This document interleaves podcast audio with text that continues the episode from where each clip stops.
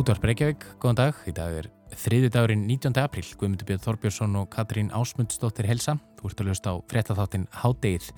Vegna hennar ströngu COVID-19 stefnu kínverskra stjórnvalda standa nú yfir umfangsmiklar lokanir í minst 44 borgum í Kína vegna útbreyslun COVID-19 þar á meðal í fjölmennustu borg landsins Shanghai þar sem matar og vöruskortur og örvænting er farin að gera vart við sig. Við berum þetta allt saman undir Guðbjörgu Ríkau Tórótsen Högstóttur, doktorsnema í stjórnmálafræði við Háskóla Íslands í síðari hluta þáttarins. En við byrjum í Úkrænu nánar tiltekið á Donbassvæðinu í austurluta landsins. Sveitir rúsneska hersins hófið þar stór sókn í gær og telja sérfræðingar að nú sé nýr kabli hafin í innrás rúsa. Einbeiting sé nú fyrst og fremst á að ná yfiráðum á Donbassvæðinu og þannig landtengingu við Krímskaga.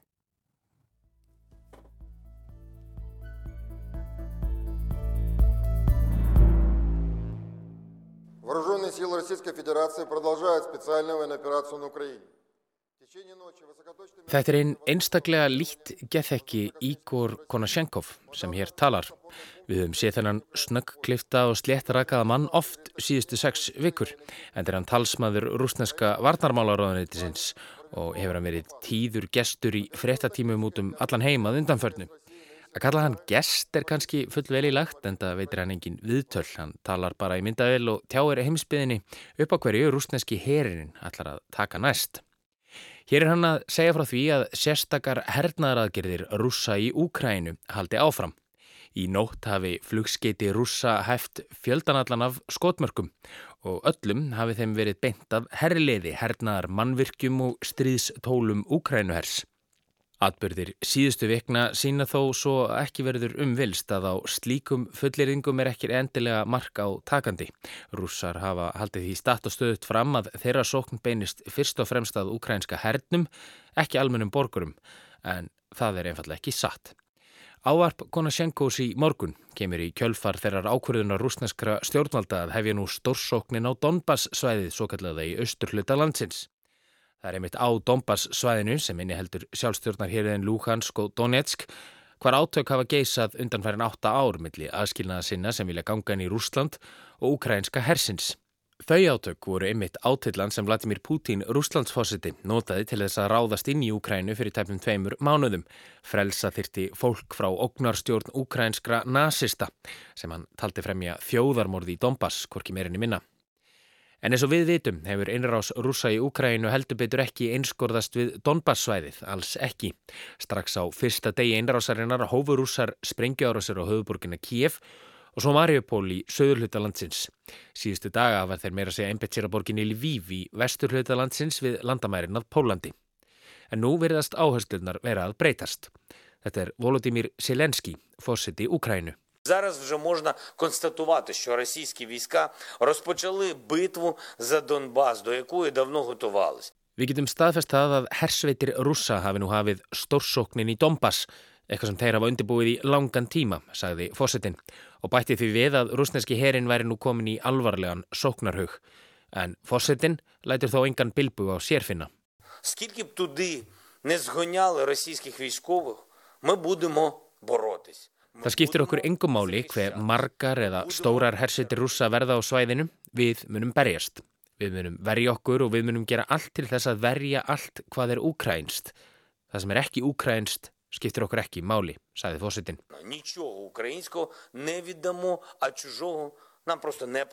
Svo mörg voru þau orð. Það er nefnilega svo að á Dombas svæðinu býr tölverta fólki sem lítur ekki á sig sem ukrænumenn, þótt að hafi hingað til haft ukrainst vegabrif. Það lítur á sig sem rússa og viljaði Luhansk og Donetsk gangi inn í Rúsland. Skömmu fyrir innrásina viðkendi Putin Rúslandsfósiti, einmitt sjálfstæði þessara héræða, sjálfstæði frá Ukrænu. Það er erfitt að lesa nákvæmlega í orð Selenskís sem byrtust á samskiptamidlinum Telegram í gerkvöldi, annað en að ukrænski herin ætla að berjast gegn hverjum þeim sem ekki eru þeim hliðhóllir. Yfirvöld hafa kvart íbúa Donetsk og Luhansk til að forða sér í vesturátt áður en það verður um seinan. Ekki sé hægt að lofa því að Úkrænu er megnið stöða sókn rúsa nógu fljótt til að tryggja öryggi almennings.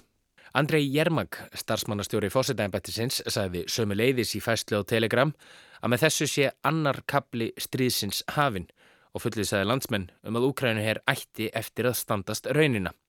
Sérstakur ráðgjafi Silenskis fósetta Ígor Sorovka tók undir þessu orði í samtali við Breska ríkisútarpið BBC í morgun og saði ennfremur að nú væri mikilvægur en nokkur sinni fyrr að ríki heims veitti Úkrænu herr ennfrekari styrk í formi hergagna og nefndi þar sérstaklega skriðdrega og sprengjivörpur. Fái herrin slíka hernar aðstóð geti hann staðið af sér stórsókn rúsa í austurluða landsins.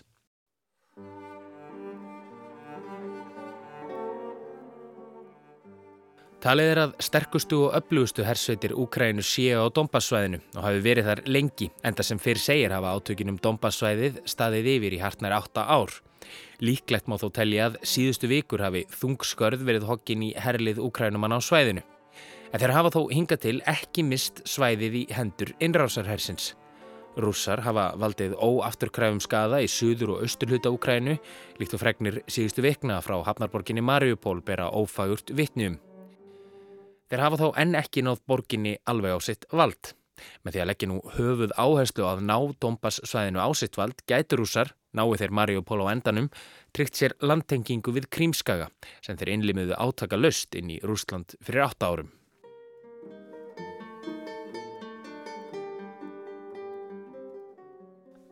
En að meðan þessum hildarleik stendur eru fórnarlömpin ekki aðeins herrmenn heldur einnig almennir borgarar Þúsundir úkrænumanna flýja nú austurluta landsins í unnvörpum, meðal annars frá borginni Severodonetsk í Luhansk, borg sem telur riflega 100.000 íbúa.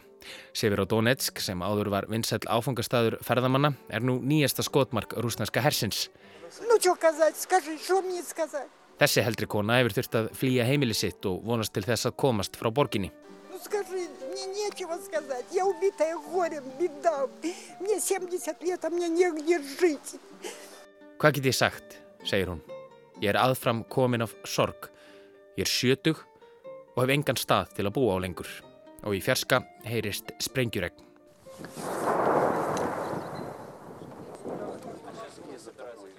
Presturinn Oleg, sem korki skrýðist höklinni rikkilíni, heldur felulítum, byður fyrir eldri manni á götum úti. сказать, что они здравые люди. Ну. Хотят разрешить России чемодан, собираясь Подожди, продавать Олег, жилье Олег. и русского мира. Я ж не против, э, я не против России, я против России в Украине. Ég hef ekkert á móti rússum, segir hann. Ég er hins vegar á móti rússum inn í Úkrænu. Næstu dagar á Dombassvæðinu getur því haft mikil áhrif á framvindu stríðsins.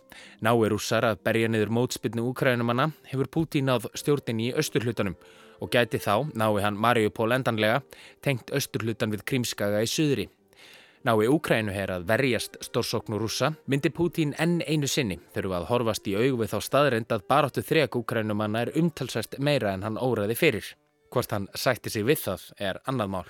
Eftir stendur svo staðrind að frá því innrás rúsa í Úkrænu hófst hann 24. februar hafa tæmlega 5 miljónir úkrænumanna flúið úr landinu og fjörðungur þessar rúmlega 40 miljónmanna þjóðar rakist frá heimilum sínum.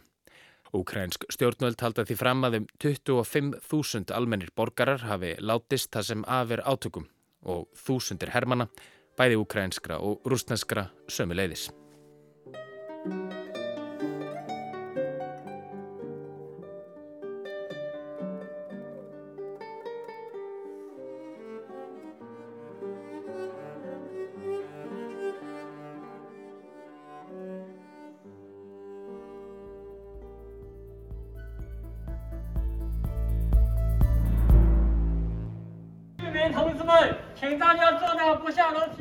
Haldi ykkur innandira sama hvað og þá líka við um að viðra gæludýri að taka móti hvers konar sendingum, mat, vörum, livjum og öðru.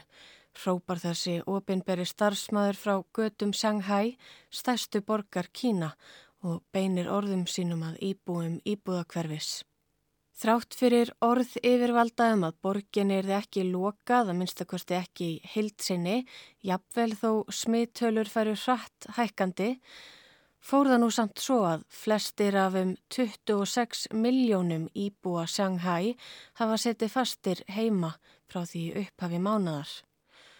Og sömu sögu er að segja af minnst 44 öðrum borgum í Kína um þessar myndir en kínvesk stjórnvöld hafa reykið stranga zero tolerance COVID-stefnu frá upphafi faraldurs og fram til nú. Vegna lovorðaðum að algjörum lókunum er þið ekki beitt í Shanghai flöskuðu margir íbúar á því að byrja sig upp áður en öllu var skellt í lás og því hefur hungur, matar og vöruskortur víðagert vart við sig.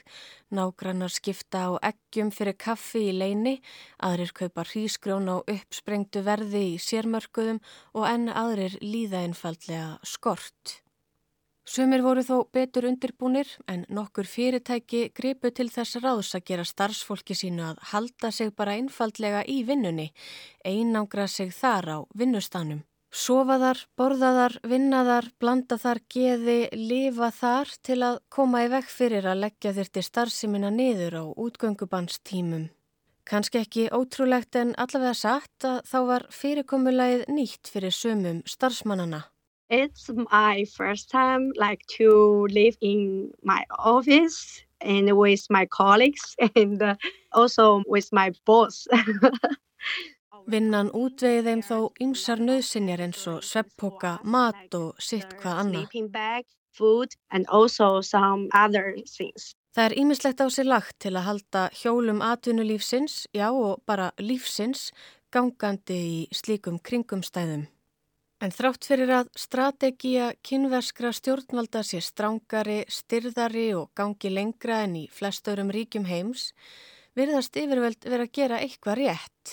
En í þessu tæplega eins og háls miljardar ríki, fjölmennasta ríki heims, hafa bara um 190.000 manns smitast og rúmlega 4.600 manns látist af völdum veirunar sem vissulega eru mjög margir en þetta er mjög látt hlutfall eða miðað er til dæmis við bandaríkin, þriðja fjölmennastaríki heims með rúmlega 300 miljónir íbúa þar sem rúmlega 80 miljónir manns hafa grinst með veiruna og miljón látist af völdumennar. En Hver er fórnarkostnaðurinn? Helgar hann meðalið og hvað segir almenningur í landinu?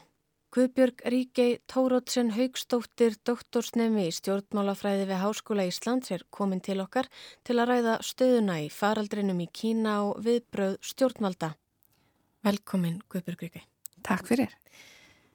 Hver er staðan í Shanghai núna og hvað áhrif hafa lokanirnar á almenning? Við sjáum að smitt hafa verið að aukast jæmt og þjætt síðastu daga og vikur.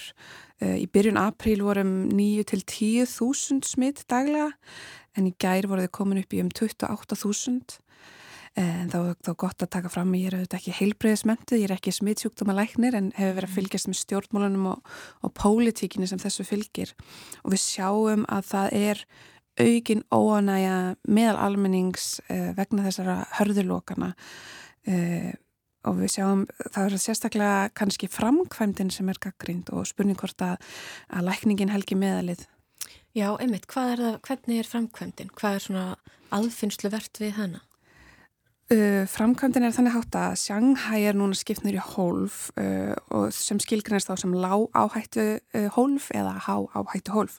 Og fólk í lág áhættu hólfum getur farið út á verslað en flest hólfin eru enn há áhættu sveiði og fólk þá alveg lokað inni. Um, margir eru líka Sagt, ef þú smitast þá þarfst þú að fara sérstakt sótvarnar eh, heimilið, þú mátt ekki vera með eh, sagt, einangræðurinn í herbergi eh, á heimilið þínu ef það eru aðrir sem búa þar. Þannig að við erum að sjá að fólk er gegn sínum vilja í einhverjum tilveikum láta á þessu sótvarnar heimili. Og það hafa verið dæmum að börn hafa verið tekinn frá fóreldrum sínum um, og það hefur auðvitað verið mjög gaggrind að þau megi ekki vera þá bara inn í herbergi eða einhver fóreldri með þeim. Já, þau megi ekki fylgja þeim á einangrunastöðuna eða emitt, Nei, það, það er svakalegt. Mm. og hver þessi, þessi, þessi stránga stefna kínverskra stjórnvalda hvernig má emitt lýsenni og hefur hún haldist bara eins í gegnum allan faraldurinn og lítur ekkit út fyrir að stjórnvöld sé að endur skoða þessa stefnu? Er þau kannski bara sátt?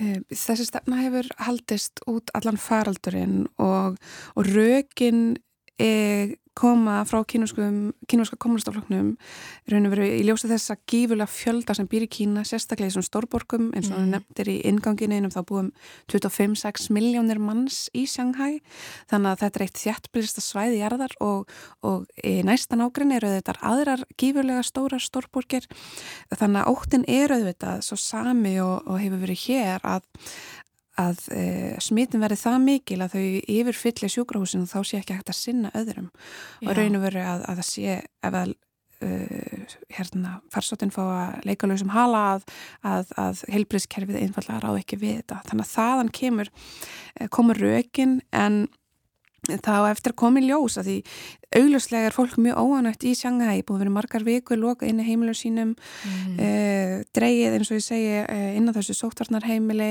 þar sem að í sumum tilveikum er ekki einu svona aðgengi á sturtu uh, það er mikil gremja í fólki og fólk er óanægt þannig að eftir að koma í ljós kannski næstu dögum og vikum hvort það verði einhver breyting á mm -hmm. og sé, hvernig kemur þessi óanægja fram?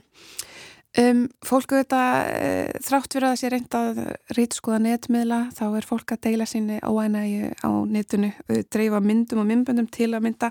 Fyrir helgi fóru myndböndi dreifingu frá uh, Jiangjiangnashi íbúðakomplex eða íbúðarsvæðir þess að það eru ofinberar íbúðir eða félagsýbúðir mm -hmm. þar sem að var verið að raun og veru stjórnvöldin eh, í Kína skipið því fyrir að, að þessar íbúður ættu núna að vera sótvarnarheimili og þannig að fólk var dreyið úr íbúðin Já. sínum gegn sínu velja um, og þessar myndi fóru til að mynda í dreifingu og, og dreifist víða og svo voru að tekna nýður og þá voru kínuskin eða vera til að mynda að króta inn á myndinar til þess að kæmust fram hjá reytskoðun þannig að eh, fólk er mjög óanægt Og hvernig er tekið á svona mótmælum eða mótbárum? Um, hvað á netinu var að þá eru þetta bara reynda að rýtskoða það en auðvitað er all mótmæli bönnuð mm. og sérstaklega þegar eru samkomin takmarkanir þannig að e, það eru tekið mjög hardt á þessu Einmitt. Helduru að þessi stefna stjórnvalda er hún að borga sig, hefur hún borga sig, er þetta að virka? Sko tölutnar virðast vera með bara skásta móti Eh, en er alltaf hægt að trista þeim? Já, það er svolítið erfitt að segja. Eh, það er allavega eh, auðvitað ákveð vantraust hér á Vesturlandum gagvar þessum tölum en hvort sem að það sé vísvitandi eða ekki af hálfu kynúskra stjórnvalda að, að lækka tölnar eh, er erfitt að segja til um, um einhverju tilvöldum getur þetta verið skráð e, e, eitthvað andlátt getur verið skráð öðruvísi ef það er ekki 100% víst að var völdum COVID mm -hmm. í öðrum tilfellum getur þetta verið að, að það séu svona e, lokal stjórnmálamenn sem er mikið munum að halda tölum niðri og getur þá verið að fyrir til maður, maður veit ekki en það er allavega er erfitt að segja. Já, einmitt. Og þú komst aðeins inn á sko að stjórnvölda hefur kannski ákveð að fara þessa leið út af út af, því, út af óttanum við að þetta verði algjörlega óviðræðanlegt uh, vandamál, þessi heimsfaraldur. Um, en er heldur að sé einhver fleiri öll þar að baki? Spilar til dæmis pólitíkin eitthvað inn í þetta? Já, pólitíkinn spilar vissulega hlutverk hér. Við vitum að í haust er mjög mikilvægur fundur kommunistaflokksins, þar að segja 20. landfundur hans og á þessum landsfundi þá eru kynnt mögulega ný andlit og þess áttar hverjir eru að taka við stjórnataumanum og fyrir breyting á stjórnaskráni kynversku þá hefði Xi Jinping raun og rátt að hætta störfum núna og annar taka við en En eftir breytingarnar þá getur Xi Jinping setja áfram þannig að e, þetta ár er einstaklega mikilvægt ár fyrir Xi Jinping mm. og að halda stöðuleika. Þannig að það eru alla líkur á Xi Jinping halda áframvöldum nema eitthvað drastíst komið upp á eins og til dæmis yfirfull sjúkrahús, óreiða, hátánartíðni e, eða e, efnahagstrengingar. En á hinbóin erum við að sjá þessa gremju í Shanghai magnast upp, þannig að það er heldur ekki til góðs. Einmitt, maður sé að það er mikið í húfi og maður hugsa sko hvort er einhvern veginn verra. Þetta er, er náttúrulega uh, erfið lína feta. Algjörlega og, og kommunistaflokkan fylgistu þetta vel með allri umræði innanlands og hérna og vill ekki að þessi gremja magnist upp. Mm -hmm. En hvað eru þá kannski stjórnvöldum þetta að gera til að bregðast við því að maður sér að fólk hvartar undan uh, til dæmis bara hungri. Það er ekki að ná að verða sér út um vistir og mat. Já, það, það eru þetta uh, algjörst fórgangsræðar að fólk hafi eitthvað að borða og, og hafa, hafa stjórnvöld sagt að þau munu vinn stiga hérna, vinna gegn þessu og hafa líka sendt til að mynda fullta heilbreyðsar starfsmennum. 38.000 heilbreyðstarfsmenn hafa sendir frá öðrum borgum til Shanghai. Herin hefur líka sendt um 2.000 læknast til Shanghai. Þannig að e, eh, kynvískak flokkurinn vil auðvitað bregðast við þessu og vil ekki að þetta fara úr böndunum. Mm -hmm. Og þetta, þessir, eh, þetta heilbreyðstarfsfólk sem er sendt, er það sendt bara frá sínum heimaborgum og bæjum og til þess að sinna þessu ástandi? Já, einmitt. einmitt. Helduru, getur við eitthvað spáð fyrir um hvert framhaldi verður? Hvernig faldurinn þróast og viðbröð stjórnvalda? Svo ég seti í erfiða stöðu að rétt í lókin. Kanski erfitt að segja hvernig faraldurinn minni þróast en uh, það er alltaf ljóst að það er ákveðum pressa sérstaklega á uh, stjórnmálumenn í Shanghai að bræðast við þessar ONA. Það verður eitthvað að láta undan um, en í hvað formi það verður áttur að koma í ljós? Akkurat, kærar þakkir fyrir komuna Guðbjörg Reykjai Tóruðsson Haugstóttir, doktorsnemi í stjórnmálafræði við Háskóla Íslands. Takk fyrir. Hátægið er á enda í dag. Við verum hér aftur á sama tíma á morgun. Þessi þáttur og allir hinnir eru aðgengilegir í spilaranum og hlaðvarpsveitum. Og þá er einnig að senda okkur post með ábyrtingum á nættungið hátægið hjá rúf.is. Verðið sæl. sæl.